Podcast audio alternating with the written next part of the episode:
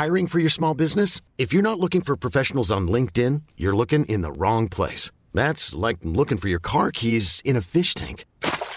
LinkedIn helps you hire professionals you can't find anywhere else, even those who aren't actively searching for a new job but might be open to the perfect role. In a given month, over 70% of LinkedIn users don't even visit other leading job sites. So start looking in the right place. With LinkedIn, you can hire professionals like a professional. Post your free job on linkedin.com slash achieve today.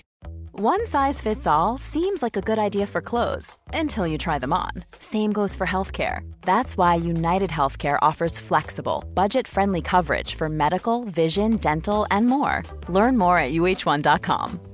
Hey, it's Ryan Reynolds, and I'm here with Keith, co star of my upcoming film, If, only in theaters, May 17th. Do you want to tell people the big news? All right, I'll do it. Sign up now and you'll get unlimited for $15 a month in six months of Paramount Plus Essential Plan on us. Mintmobile.com slash switch. Upfront payment of $45 equivalent to $15 per month. Unlimited over 40 gigabytes per month. Face lower speeds. Videos at 480p. Active Mint customers by 531.24 get six months of Paramount Plus Essential Plan. Auto renews after six months. Offer ends May 31st, 2024. Separate Paramount Plus registration required. Terms and conditions apply if rated PG. Veckans sponsor är Telia. Hos Telia samlar man mobil, bredband, IT-support, mobil växel, allt som gör företagande enkelt. Och det är just det här att samla allt på ett ställe, att ha någon att vända sig till när det inte fungerar, det är Telia. Ett exempel på vad som inte är Telia, det är ju som när jag lyckas boka förmötet för en poddinspelning med Finansinspektionen till efter själva inspelningstillfället. Eller när jag här, här året var liksom, fick för mig att jag skulle börja springa, så jag är liksom ute och springer taggad, träffar en kompis som säger så du Jan, på måndag ska jag springa ett lopp. Och jag känner så här, ja men det låter inspirerande, så jag käkar pasta, jag byter om, tar mig ner till Malmö stadion för att göra en efteranmälan, står där i kön och sen så när jag liksom anmäler mig så tittar de på mig och säger så här, du Jan, vårhuset är bara till för kvinnor. Och eh, det var, det var typisk en situation som inte är Telia.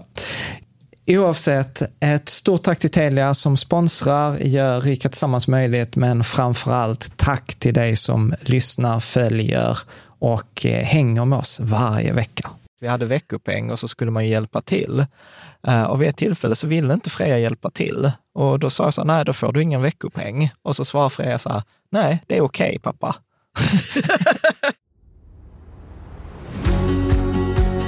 Du lyssnar på Rika Tillsammans-podden som handlar om allt som är roligt med privatekonomi.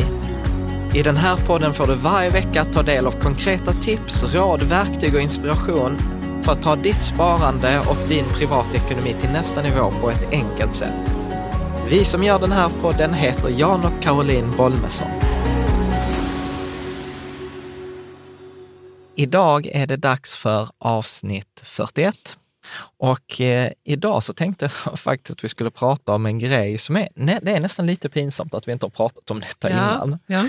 Jag tänkte nämligen att vi skulle prata om eh, min och Charlies eh, bok då, eh, Gör ditt barn rikt. Och det är inte som att vi inte har pratat, vi har pratat om boken mm. innan på bloggen. Men vi har liksom aldrig pratat om innehållet. Nej, vi har kanske inte tagit ut kontentan riktigt och gett gett de bästa råden från boken. Ja, nej, men mm. precis. Mm. Alltså så, här, så, så, hur, hur, så hur gör man eller vad ska man? Eller hur tänker vi kring det? Men eh, när var det nu ni skrev boken? Det var något år sedan som alltså, den kom ut. Alltså, detta, detta var ju roligt. Vi skrev, jag tror vi började, den kom ut i början av 2017 och eh, vi, sen tog det oss två år att skriva den. Men det roliga var att det tog liksom ett och ett halvt år så hade vi, Charlie kallade det för så här klippångest. Alltså så här, ångesten för att liksom ta tag i saxen och sätta den i tyget och börja klippa. För mm. när vi väl skrev boken, det var ju när redaktören hörde av sig liksom så här, och det var redan, liksom så här, vi hade använt alla ursäkterna och det började bli pinsamt och jag kunde inte säga så här, äh, Freja är sjuk eller jag har liksom inte hunnit. Eller Men så. varför var det så svårt då att, att liksom bara ta tag i det? Ja, men jag tror, alltså jag har ju ny respekt för människor som, har, som skriver böcker idag, för att man vill ju att det ska vara bra. Mm. Uh, från början helst. Från, ja, precis. Och sen är det mycket text och sen kommer man på grejer efter ett tag. Och sen är det liksom en enorm kulle som man ska upp för. Och, Men du vet vad, du har ju ett dataprogram som heter Word. Ja. Och du behöver inte skriva som författare gjorde förr, där de liksom skrev i en, en uh, följd och sen så fick man då liksom kila in nya papper. Där Nej, man precis. Och det, liksom nej, men kom alltså, på he- nytt. Precis, och helt ärligt, vi skrev faktiskt inte boken i Word, utan vi skrev den faktiskt i Google Docs. För att vid ett Mm. Ja. tillfälle så var redaktören så här, ja men det är skitbra, ni kan lämna in på onsdag. Och då var det typ så här fredag. Och vi är bara, fan vi har inte börjat skriva än. Och Andreas, jag hoppas att du inte hör det här. Eh, så att, Jag tror han är van. ja, Om för- det är, eh, Förmodligen. Och det, roliga, och det roliga anledningen till varför vi använde Google Docs eh, var för att då kunde både jag och Charlie skriva samtidigt i dokumentet. Mm. Och sen när redaktören hade det så kunde vi fortsätta skriva i det samtidigt som han började detta. Så vi skrev i det här verkligen så här eh, samtidigt. Och det, och det, ro, det var ju massa grejer som var roligt med boken. Alltså, jag är ju så himla, jag är ju rädslodriven liksom. Liksom. Det har vi ju pratat om innan i andra avsnitt. Men det var ju också här att eh, jag och Charlie skrev ungefär halva boken var. mm. Och min del av boken, det är den delen där det finns referenser. Jag tror jag har så här 140 referenser på mina 140 sidor. Charlie liksom eh, skrev ju mycket, han skrev ju många, också handen på hjärtat, många av de här delarna som inte kräver referenser, som var mer våra tankar och era erfarenheter. eh, erfarenheter såklart. erfarenheter. Men vi skojade med honom att han fick med en referens på sina 140 sidor och det var ju det här med marshmallow-testet. eh, Mm. Där han skrev den här studien där man lärde barn om eh, Vi kan ha en uppskjut- länk till det. Ja, uppskjuten, uppskjuten belöning. Mm. Nej, men så att det var eh, liksom, eh, ja det var en pers. Eh, och sen, sen ska det också handen på hjärtat säga så här, alltså boken, det, detta är ju bland det minst lönsamma eh, som vi har gjort. Eh, liksom. Så visst, man skulle ju kunna säga att detta avsnitt är så här reklamen, allvarligt talat, alltså om boken säljer inte, det spelar inte så stor roll. Vi kommer Nej. att ge bort mycket av det här. För jag tror så här, vi tjänar, eh, alltså detta är ju ingen hemlighet, efter skatt så tjänar vi sju kronor per såld bok. alltså, Och ja, ja, jag önskar ju att detta var en bestseller, för jag tycker ju att alla föräldrar borde ju liksom eh, läsa det här. Eh, så att även om man kanske inte sparar till sig själv så kanske man vill spara till sina barn. Eller man vill ju ge sina barn den bästa eh, starten i livet, eh, tänk, tänker jag. Mm. Men du, är boken, eh, är boken för barn eller är, de, ja, är det för föräldrar? Om man bara ska hårdra det. Om man ska ja, men den är ju till för föräldrarna såklart. Det är ju en, alltså till med titeln är så här, gör ditt barn rikt. Men handen på hjärtat så har vi hört att det är ganska många barn, eller barn, ungdomar som läser den. Eh, som Är det? där, ja. det är fått- jätteroligt. ju. jag, jag har ju fått mejl från flera från flera liksom så här 14-15-åringar som har läst eh, Mm. den. Och grejen är så här, handen på hjärtat, alltså, den är väl egentligen två delar. Den ena handlar ju så här, hur pratar man med barn om pengar? Hur lär man sig om pengar? eh, Pengars historia och exempel och veckopeng och sådana bitar. Men den andra delen handlar ju om det här som, som vi har skrivit om på bloggen många gånger, i, i, om pengamaskiner. Vi pratar om globala barnportföljen, det är egentligen det som är poängen. Men den delen handlar ju egentligen lika mycket om man ska spara till sin pension eller ska spara till sig själv. Så att den är ju egentligen inte relaterad till Ja, jag barn. tänkte precis fråga om vem som helst kan få ut någonting av den. Mm. Nej, men det, det, det tycker jag. Man kanske kan hoppa, har man inte barn så är kanske inte veckopengsdelen det mest eh, intressanta. Men, eh, men eh, det är ju där. Mm. Nej, Men du, vet du vad? Jag har eh, kollat lite vad som, vad som eh, skrivs om boken, om de som har recenserat. Och de, många som recenserar boken tycker att de gillar balansen mellan praktiska råd Mm. och insikter kring hur man pratar med barn om pengar och ger dem ekonomisk intelligens. Nej, men precis. Alltså en av de bärande frågorna i, i boken var ju så här, när, när är barnen redo att prata om pengar? Och där pratar vi mycket med, med barnpsykologer och förskolor. Vi pratar med Frejas förskolelärare. Eh, ganska, ganska mycket. Och, eh, och vårt konstaterande var så att det handlar inte så mycket om när, när är barnen redo att prata om pengar, utan snarare när är vi vuxna redo att prata om, eh, om pengar. Och vi tog ju exemplen då, till exempel eh, som Freja, du vet, som spelade Pokémon eh, då när vi skrev boken. Och, du vet, och hon har ju fortfarande koll på liksom vilka Pokémons hon hade fångat var. Och Ja, hur vilka- många vilka- godisar de hur många har och hur många godisar- godisar hon behöver för att kunna evolvera dem. Ja, och det är vilka som är evolverat i vilket. Och det är ju en sorts ekonomisk tänk. Ja, men precis. Alltså ekonomi, ekonomi handlar ju om eh, liksom hushållning med en resurs. Mm. Och, och, det kan man ju liksom i, i, i balansekonomi, där vi höll mycket föreläsningar, jag och Charlie, eh, så pratade vi mycket om att man kan ha många olika typer av ekonomier. Man kan ha en kärleksekonomi, eh, man kan ha liksom Va? en tids... Vänta, jag måste, ja, vi, kan ta, vi kan ta det sen vad en kärleksekonomi är. Ja, nej, men en, tids, en tidsekonomi, en energiekonomi. Alltså det handlar... Ja, ja okej, ekonomi i olika områden. Det är inte bara pengar. Nej, det handlar, om en, det så- hus, det handlar om en hushållning med en resurs. Mm. Jag har liksom. energi i mitt liv och jag kan hushålla Ja. med den eller få mer. Precis. Få det Alltså, att- precis, alltså det, runt, liksom. precis. Alltså det är ju det som är ganska intressant, att eh, om man tar energi specifikt,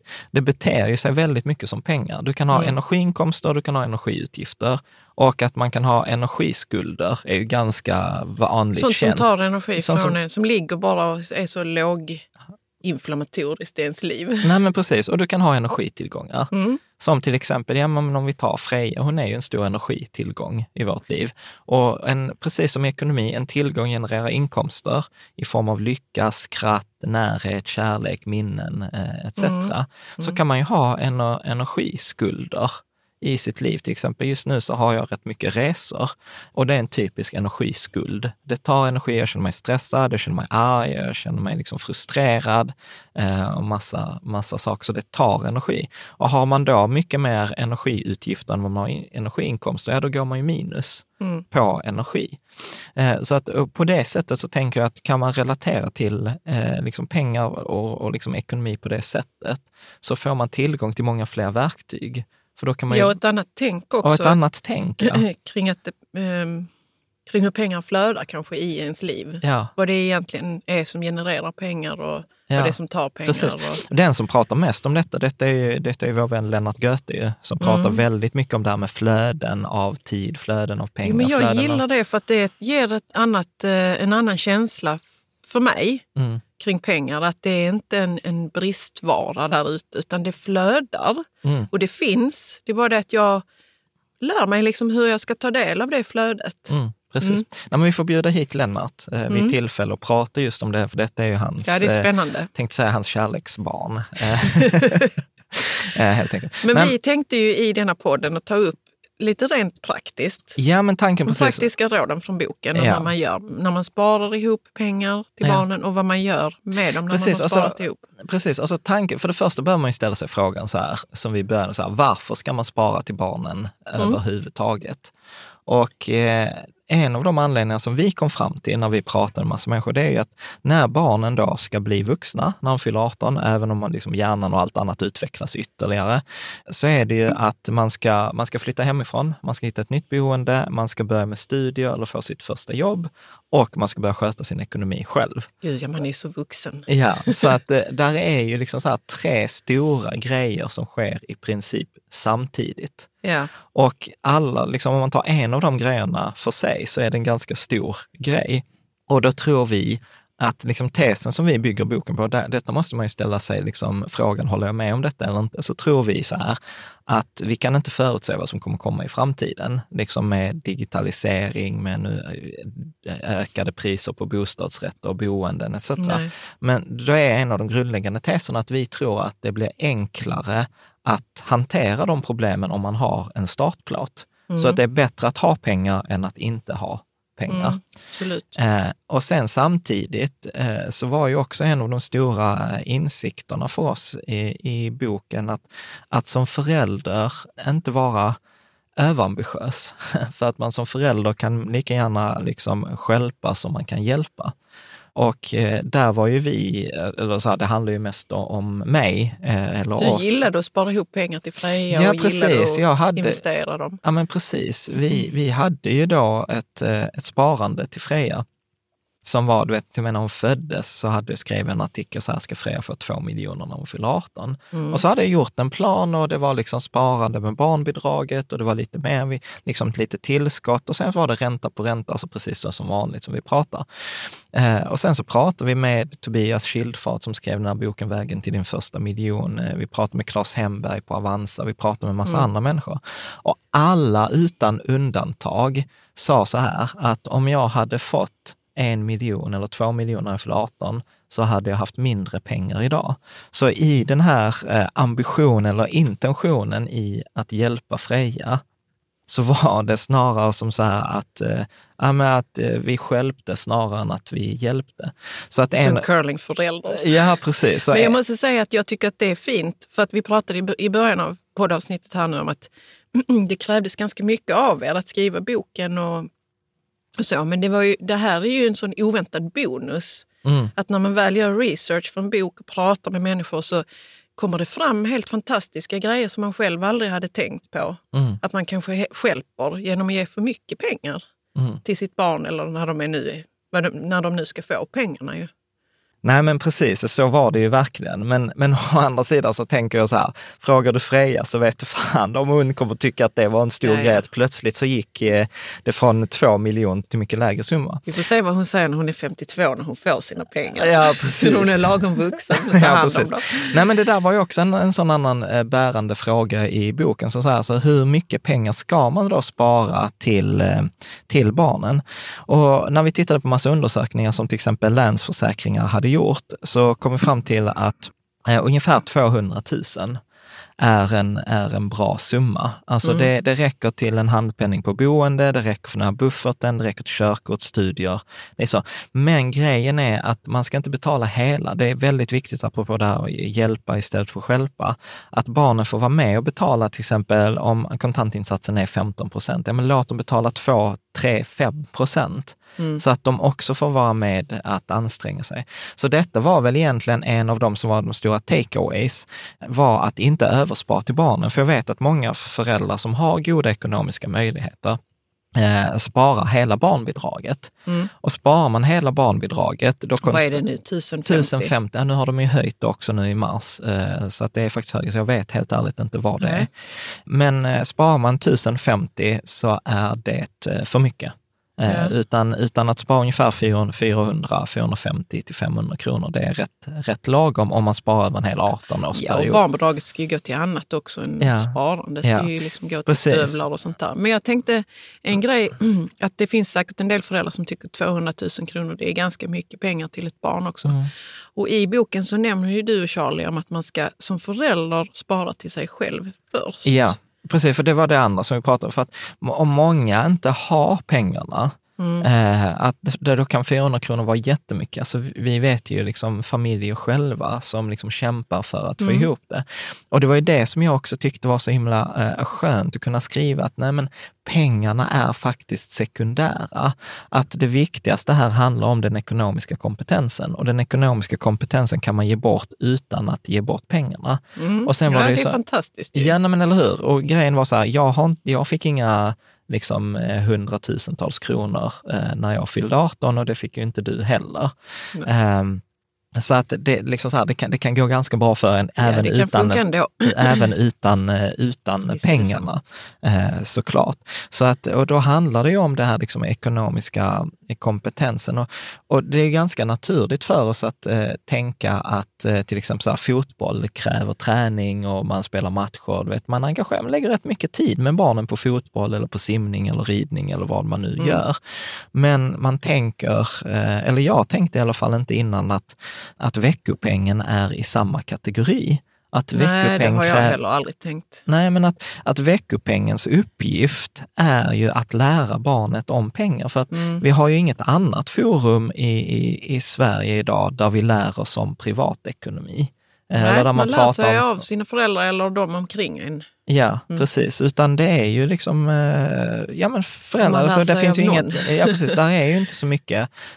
på, innan hade man ju hemkunskap, men på hemkunskap idag bakar man. Man pratar inte pengar. Och i högskola och gymnasium gör man ju inte det heller. Du, skulle du vilja skriva en bok till barn om, om pengar? Det hade varit ganska kul, men jag tror inte jag är kompetent om det i det där faktiskt. Ja, du har lyckats med allting som du någonsin har föresatt dig. Ja, men... Eh, Gör ett samarbete med någon. Ja, men precis. Ja, men jag tror att det handlar mycket mer om, om pedagogik och liksom ja, hur man barn lägger, med mm, barn. men jag tror, jag tror att det handlar om leka. Alltså, vi leker ju rätt mycket pengar med, med Freja. Alltså som, ja. som exempel. Kan du ta ett exempel? Ja. Nej, men till exempel en sån händelse som vi beskriver i boken, det var ju att eh, vi var på BR, Freja älskar ju BR, alltså leksaksaffären. Och hon ville ju alltid ha grejer i den där och, och det var alltid så här, vi nej, nej och jag var nej, nej, nej, nej. Alltså det är ju ändå ofta som vi handlar någonting där, när vi Ja. är där. Ja, men nu, nu har vi gjort lite annorlunda. Men då var ju Vi grejen... försöker säga nej. Ja, ja fast Mm. grejen var så att jag ville ju inte säga nej, utan det var ju då vi gjorde det här med kulorna ju. Ja, Eh, precis ja. Att vi hade ju en det- skål när hon var tre, tre år eller något, så, så sa jag så här, men om hon hjälper till eller gör någonting så lägger vi sådana bomullskulor i en, eh, i en skål. I en, burk. Ja. ja, precis. Och så sa vi så, när, när den skålen är full, då, då får du köpa vad du vill på BR. Så det var ingen koppling att eh, liksom, hälften är 200 kronor och hälften, liksom, utan det var snarare så här, när den är full eh, så, så handlar vi någonting. Och detta var egentligen någonting jag hade snutt från mitt företag, där vi hade så här försäljningssiffror på det här pingisbollar i ett rör. Det är jätteroligt. Men hur tyckte du det funkar med Freja? Ja, men jag, tyckte det funkar ju jättebra under en period. Eh, Under en period, under en period. Sen, var, Ja. sen var hon inte så intresserad av det längre. Och, och där var ju också en av Charlies stora grejer i boken. Han pratar liksom så här, prata med barn om pengar, men gör det så här max halva barnets ålder.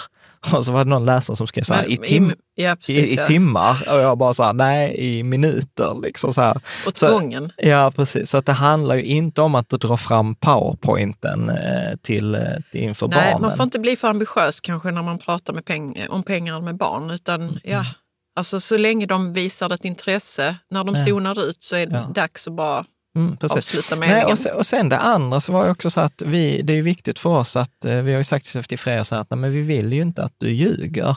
Eller att vi, vi i vår familj pratar vi sanning. Och, och skulle vi också vara där på B och säga nej men vi har inte pengar, så Ja. är det ju en lögn. Eller Ja. så här, jag har inte med mig pengar, det är också en lögn. Ja. Och då var det också så här, men jag vill inte ljuga, utan det var ju tricket som Charlie liksom skrev mycket om i boken. Att, så hur sätter du dig på barnets sida? För att köpa grejen till barnet, det är ett misslyckande. Att säga nej till barnet är också ett misslyckande. Eh, liksom, eller inte misslyckande, men du, barnet lär sig ingenting. Nej, barnet lär sig, inget. ingenting. Utan tricket är, hur kan, du, hur kan du fånga, Charlie pratar mycket i boken om det här med lärotillfällena. Hur kan man fånga ett extra lärotillfälle? Och, och som förälder av tio lärotillfällen, liksom, vi missar majoriteten av dem, men om man kan fånga ett extra då och då. Mm. Och vad tänker du om när vi är på BR då med Freja? Nej, men idag, Lärotillfället är... Ja, men lärotillfället, jag sa wow vad spännande, berätta varför vill du ha den här och varför är den viktig? Och ställa den viktigaste frågan, jag, eller så här, jag, brukar, jag brukar ju säga så här, men jag vill också köpa denna till dig. Så berätta för mig, hur ska vi, hur ska vi göra? Ja. Om hon inte hur har kan pengar. jag hjälpa dig Hur detta? kan jag hjälpa dig? Hur, hur kan vi, vad kan du hjälpa till med hemma? Eller hur ska vi göra för att finansiera eh, den här? Mm. Och, och, och hon är ju ofta kreativ, alltså, som kommer ihåg när hon gjorde spa. Ja, hon gjorde spa till oss. Vi fick gurkor på ögonen och massage. Ja, sitta på stolar med kuddar. på toaletten ja. och, och, och, Och så sa hon så här, och ni får, måste betala i riktiga pengar. Ja, precis. Så Ja. hon, hon har ju lärt sig det där med skillnad på riktiga och ja, Och, och bomullskulor i en burk. precis, Mm. precis. Eh, sen kan vi ju ha en konversation kring henne, vad riktiga pengar eller vad valuta är i verkligheten, men det Ja. får vi ta sen. Ja. Nej, och, sen och sen så tror jag också att om vi tittar någonting som eh, vi intervjuade bland annat Stefan Telenius på Twitter också, som, som har gjort mycket. Hans barn är ju lite äldre än, eh, än Freja och en Primus, eh, Charlies eh, och Andreas son. Och eh, han, han införde ju något som han kallar för månadens aktie. Mm. Och det har ju, det har ju vi snutt eh, rakt av. Där, eh, där vi varje månad ger Freja, liksom så här, vi har pratat om en aktie, hon vet att en aktie är en liten del i ett företag. Att om man äger en aktie, då äger man en liten del av ett företag. Och då, då fick hon första gången, tror jag hon fick välja mellan BR, Disney och Netflix. Mm. Och eh, då ville hon ha BR, för hon gillar ju BR. Eh, och sen kommer jag ihåg att vi gick till affären en gång och så bara, "Ah, äger jag en liten bit av den här? Jag bara, ja det gör de. Wow! Eh, och så hade vi ett samtal, kan man äga av andra affärer också? Och gick vi förbi H&M och så sa jag, ja men det kan man. Eh, så det var jättekult. Eh, och sen som jag berättade i förra avsnittet, frågan är ju varför man vill äga en liten del. Ja men precis, för att det, då får man ju en liten del av den vinsten. Alltså att, eh, så att Freja tror jag, nu det har vi inte testat, men jag tror att hon är ganska på det klara med att om man vill tjäna pengar så kan man göra det på lite olika sätt. Antingen så kan man hjälpa till och laga mat, eller så kan man göra spa eller någonting liksom sådant. Eller så kan man liksom att, hon, hon fattar ju att pengar tycker om att vara tillsammans och att pengar växer. Och att man kan tjäna pengar på pengar. Och då är ju detta ett sånt sätt. Och jag berättade, jag tror det var två avsnitt sen när vi hade eh, Elisabeth här också, att eh, ibland så, så backfires eh, de här grejerna, man har så god ambition. Mm. Men till exempel det här med att vi, vi skulle ha månadens aktie och så pratade jag med Freja, så här, vad ska du... Vad ska eh, vi välja denna vad ska vi gången? välja denna? Har du tänkt någonting? Och då hade hon precis kollat på en YouTube-kanal som hon gillar.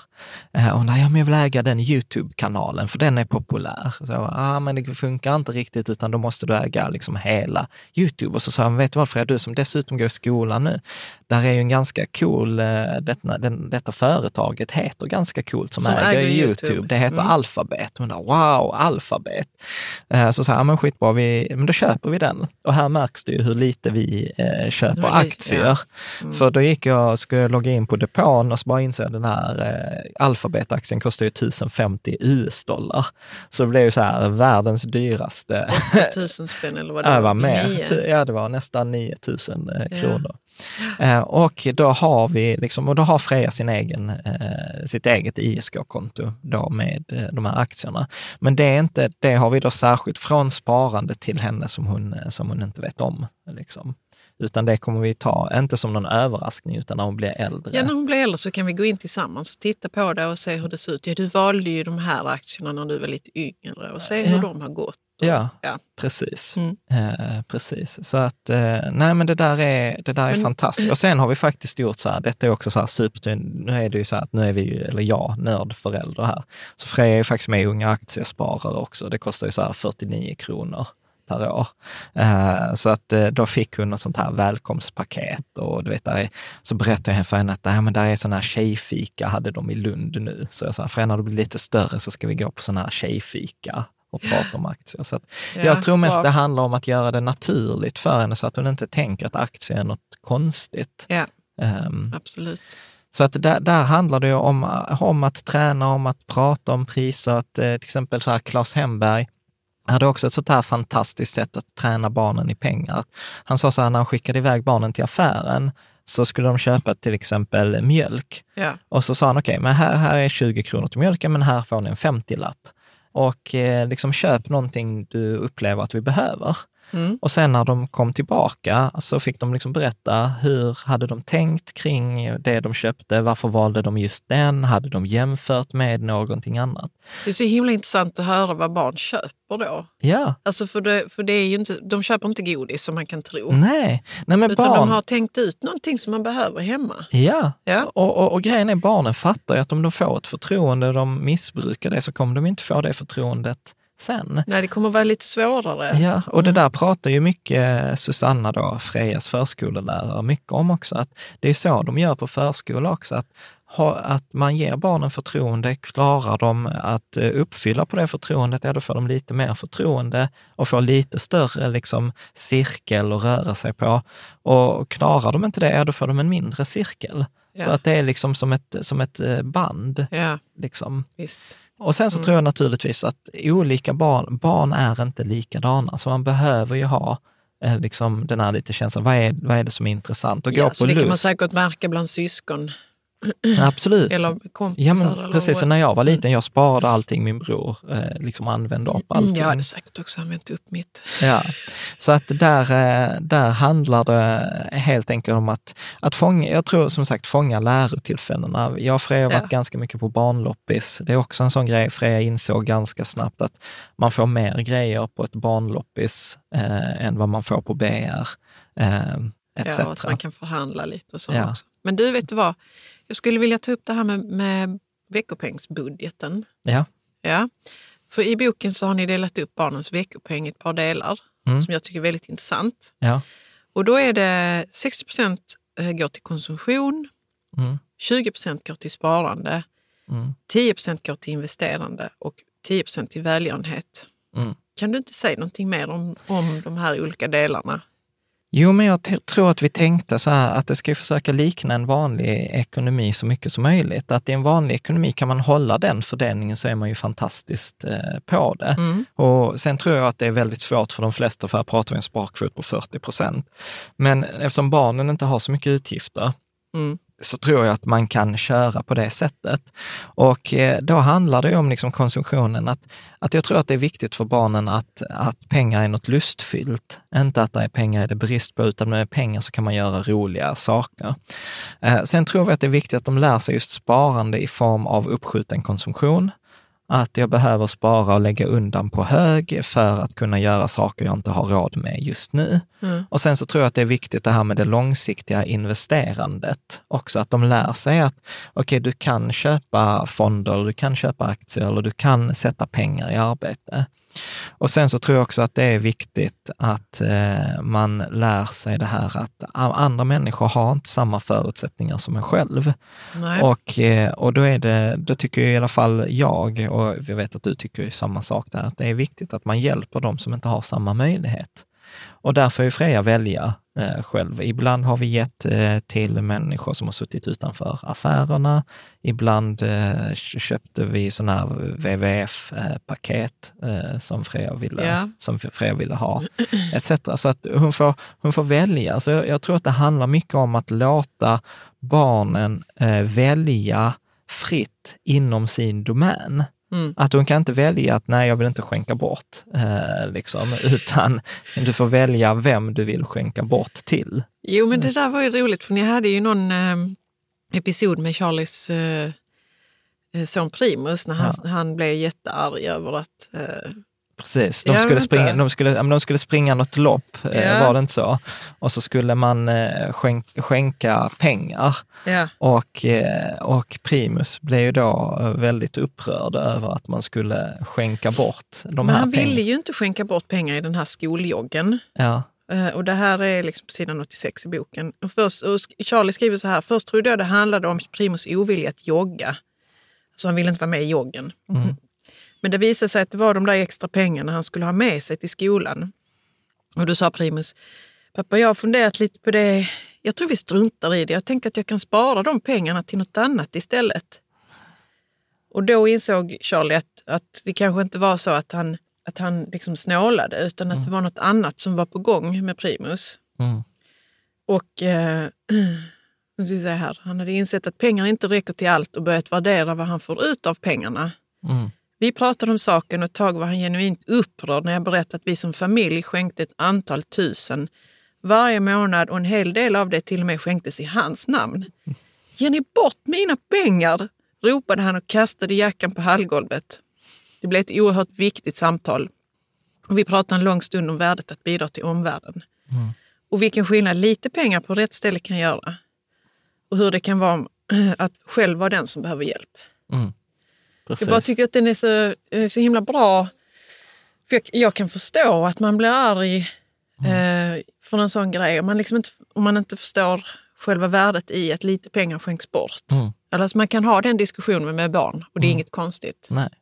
Nej, men det är alltså så här, poängen här handlar ju verkligen om samtalet. Ja. Samtalet eh, om pengarna och samtal, alltså så att du vet, det handlar om att ta sig tid.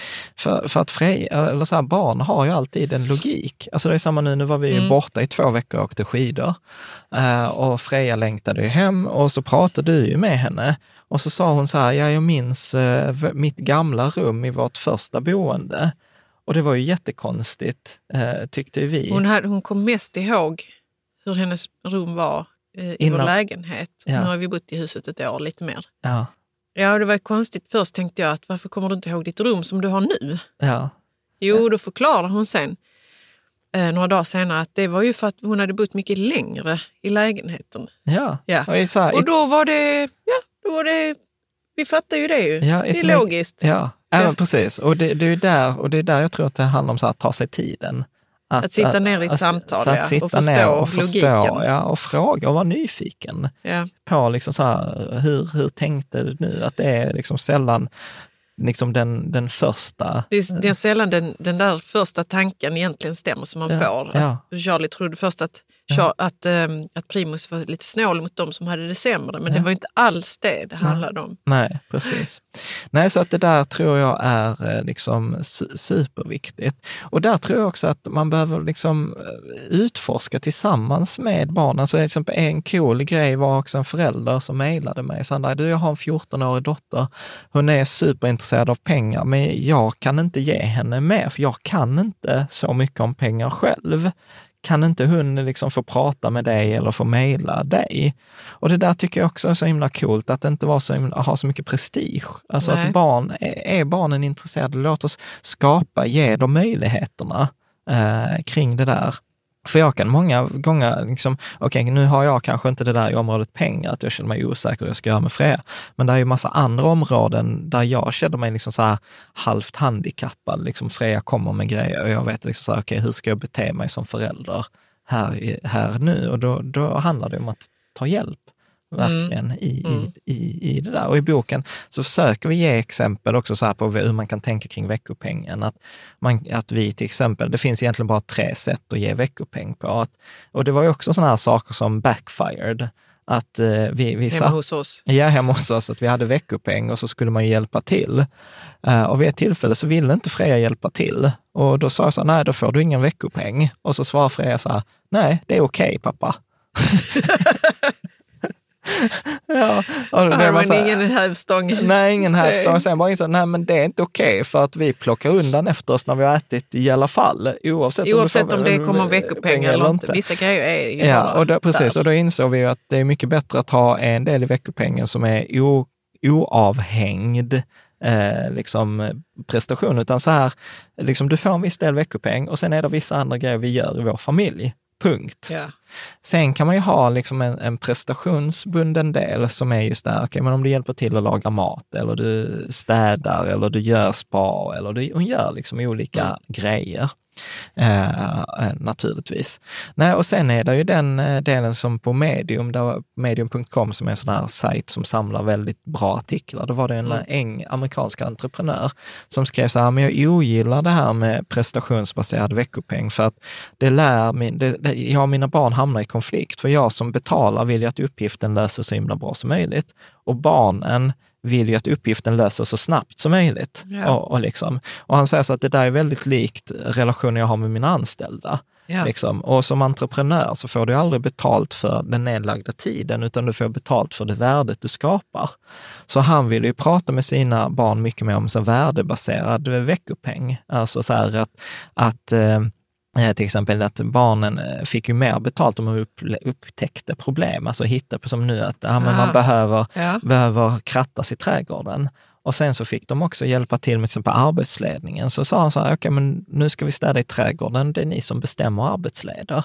Och då gjorde han som barnen sa. Och vet, han sa så här, barnen växte ju hur mycket som helst av att få ett ansvar men få befogenheter också. För att ofta gör vi det, och det misstaget gör vi mycket i företag, det är där jag har sett det många gånger, att vi ger ett ansvar men vi ger inga befogenheter.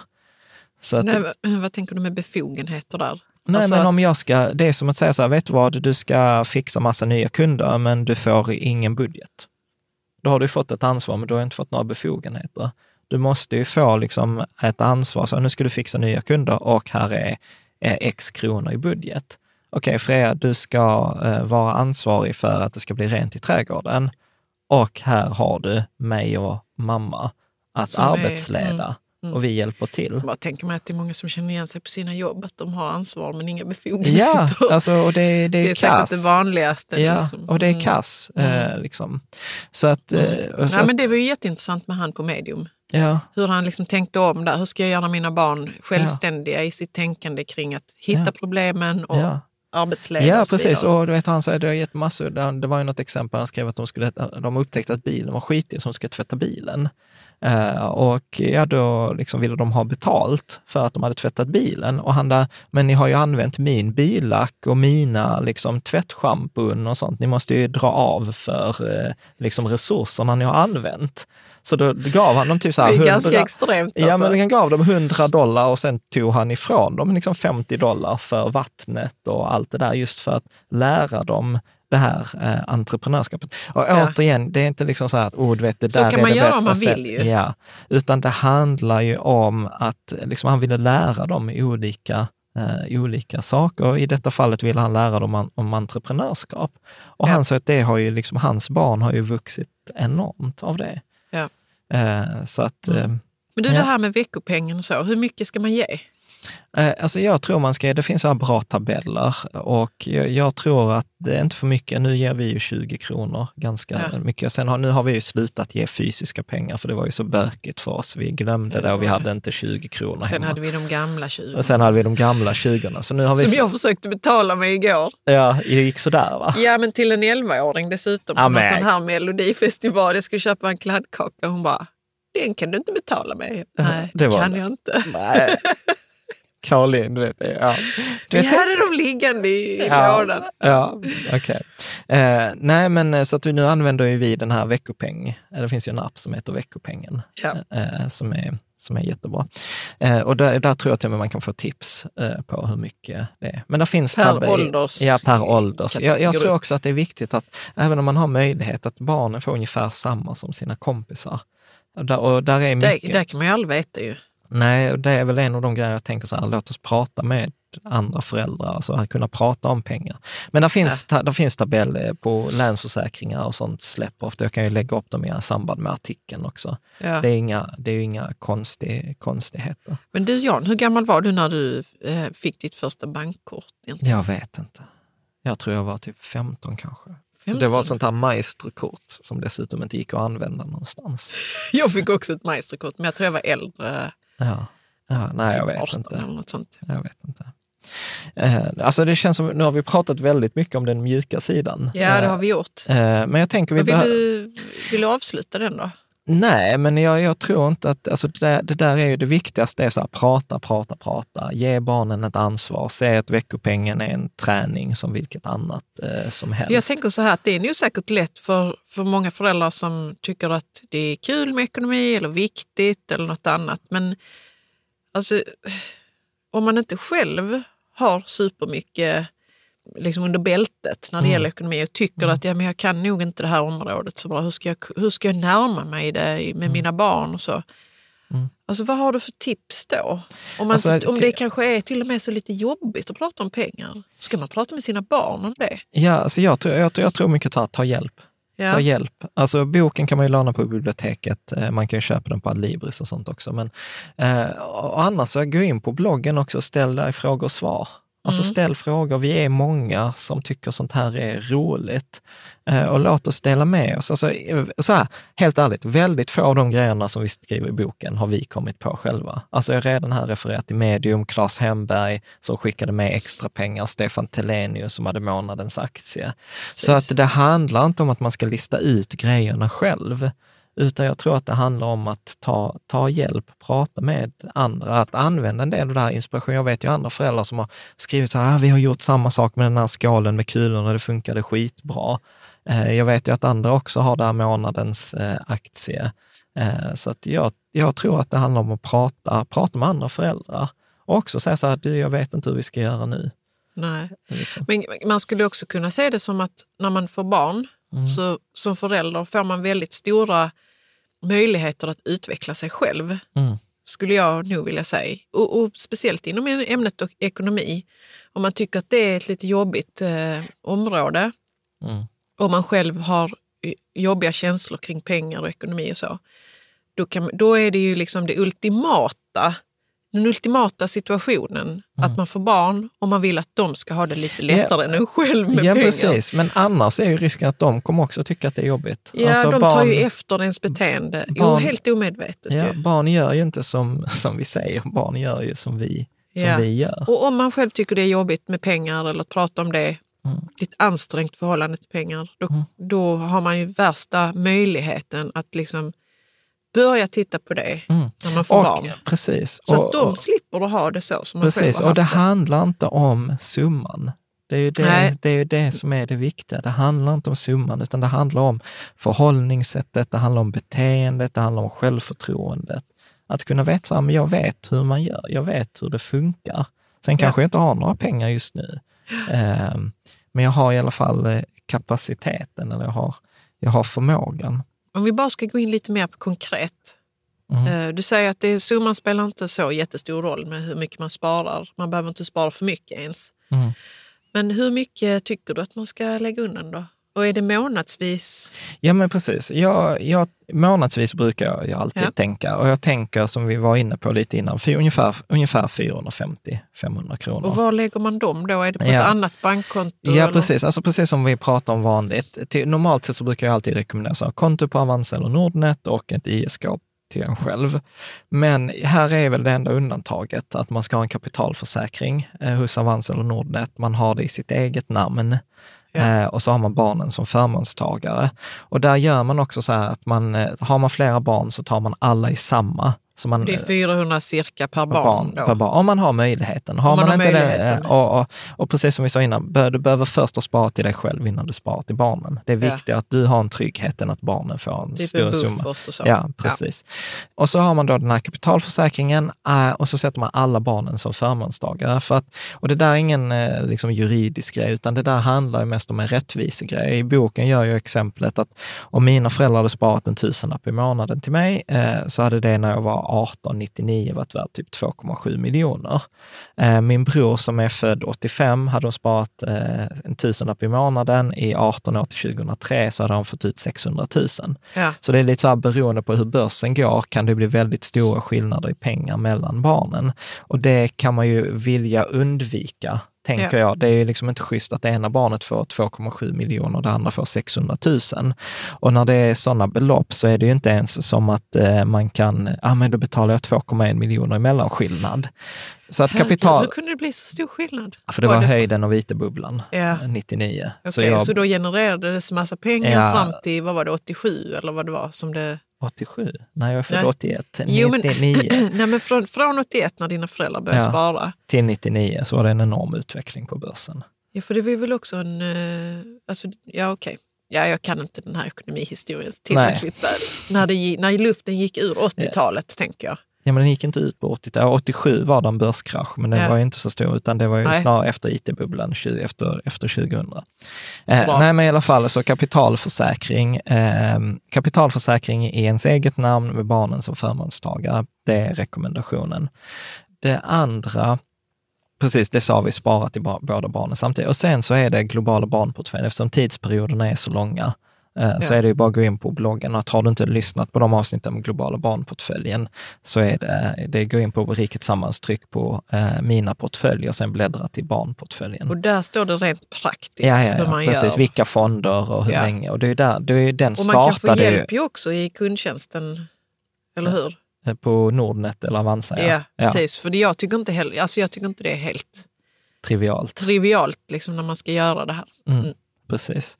Eh, och då kan man ju liksom sen välja när man skriver över pengarna. För, för att annars om man sparar då i ett vanligt ISK-konto eller man sparar i barnets namn, så är det ju barnets pengar enligt lagstiftningen och då kan man inte ens föra tillbaka till sitt eget konto. Nej. Det, det upplevde ju vi vid ett tillfälle, att vi hade sparat pengar till Freja på hennes konto. Eh, och sen så skulle vi liksom föra över dem och bara, nej det går inte. Vem sa det? Var det banken? Banken. Ja. För banken får ju inte lov att göra det. Och det där handlar ju till skydd för barnet. Det är Ja. till och med så att har man sparat väldigt mycket, väldigt mycket pengar till barnet i dess eget namn, så måste man, jag tror det är vid 300 000, då måste man anmäla det till kommunen och man måste ansöka om dispens för att få förvalta pengarna eh, sj- eh, Och det är själv. till skydd för barnet. Det är till skydd, det ska- eh, precis, det är till skydd eh, för barnet. Ja. Nej, och sen är väl en annan sån grej man kan ha i bakhuvudet, eh, som vi faktiskt inte pratar så mycket om i boken, men det är ju att vi så här bosparar till, Ja. eh, till Freja i så här HSB Bospar. Också för att hon ska få de här poängen för att kunna liksom i framtiden kanske välja en bostad, kanske i en annan ja, men när man, man ställer sig i en kö Ja. eh, Sen kan man- som man bosparar i Ja, HSB. sen kan man ju diskutera hur bra det är eller inte. Eh, Jag har ju liksom, liksom många andra, väldigt mycket åsikter om det där, för att då kan man spara i en globalfond, men den är ju skitdyr och ganska dålig. Eh, Men liksom det, och det är väl liksom Swedbank och HSB som tjänar de pengarna däremellan. Men det kan vara en sån här grej att, värt att kolla upp. Vi kan ju Ja. återbesöka det i ett annat avsnitt. Ja. Jag tänker att jag tror vi har fått med det mesta. Har du någon sista fråga annars som du tänker detta borde vara intressant? Nej, men jag tänker bara att vi kan summera de tre viktigaste grejerna att ta med sig från detta avsnittet. Ja, men då skulle jag säga så här, att det handlar om att eh, prata, prata med barnen. Barnen är redo mycket snabbare, eh, mycket tidigare än vad du tror. Eh, jag skulle säga att det är inte pengarna som är det viktiga, utan det är kompetensen. Veckopeng kräver lika mycket träning som fotboll. Ja. Och eh, sen så tror jag att om du sparar till barnen, spara inte för mycket. Nej. Gör dem inte den här björntjänsten som jag var på väg att göra. Och sen, och sen blir det, alltså det blir så sjukt mycket pengar över tid. Alltså Ja. i, Och det är ju lång tid när man pratar om kanske 18, 20. ja, ja, 25 precis. år. Vad Ja. tänker du? Vad är de viktigaste poängerna, tänker du? Jag tänker nog att du har tagit dem faktiskt. Mm. Ja. Om du skulle välja en då? Jag tänker att det är... eh, alltså, det som dyker upp är så, det är inte summan. Ja, Att man ska inte bli rädd för att nu så måste det gå massa pengar till sparande och så. Nej. Det behövs inte så supermycket nej, varje månad. Ja. Man sätter av det man kan. precis. Nej, jag tänker att, eh, att vi håller där. Så Mm. eh, tack som vanligt. Tack för att du lyssnar. Eh, tack för att du tittar och följer oss eh, i, sociala kan, eh, i sociala medier. Kolla gärna artikeln på, på bloggen också. Jag kommer lägga ut den här tabellen från boken med hur mycket veckopeng per, eh, per år Ja. och eh, lite andra länkar. Och, och verkligen som sagt, sitt inte fast med det här utan be om hjälp. Ja, mejla. Mejla, ja, helst inte mejla. Ställ frågor, för vi får inte lov att svara på frågor enligt lagstiftning. Men ställ Men- frågorna på, i frågor och svar. Frågor och svardelen, på, på, på bloggen. Tack för idag så ses vi nästa söndag.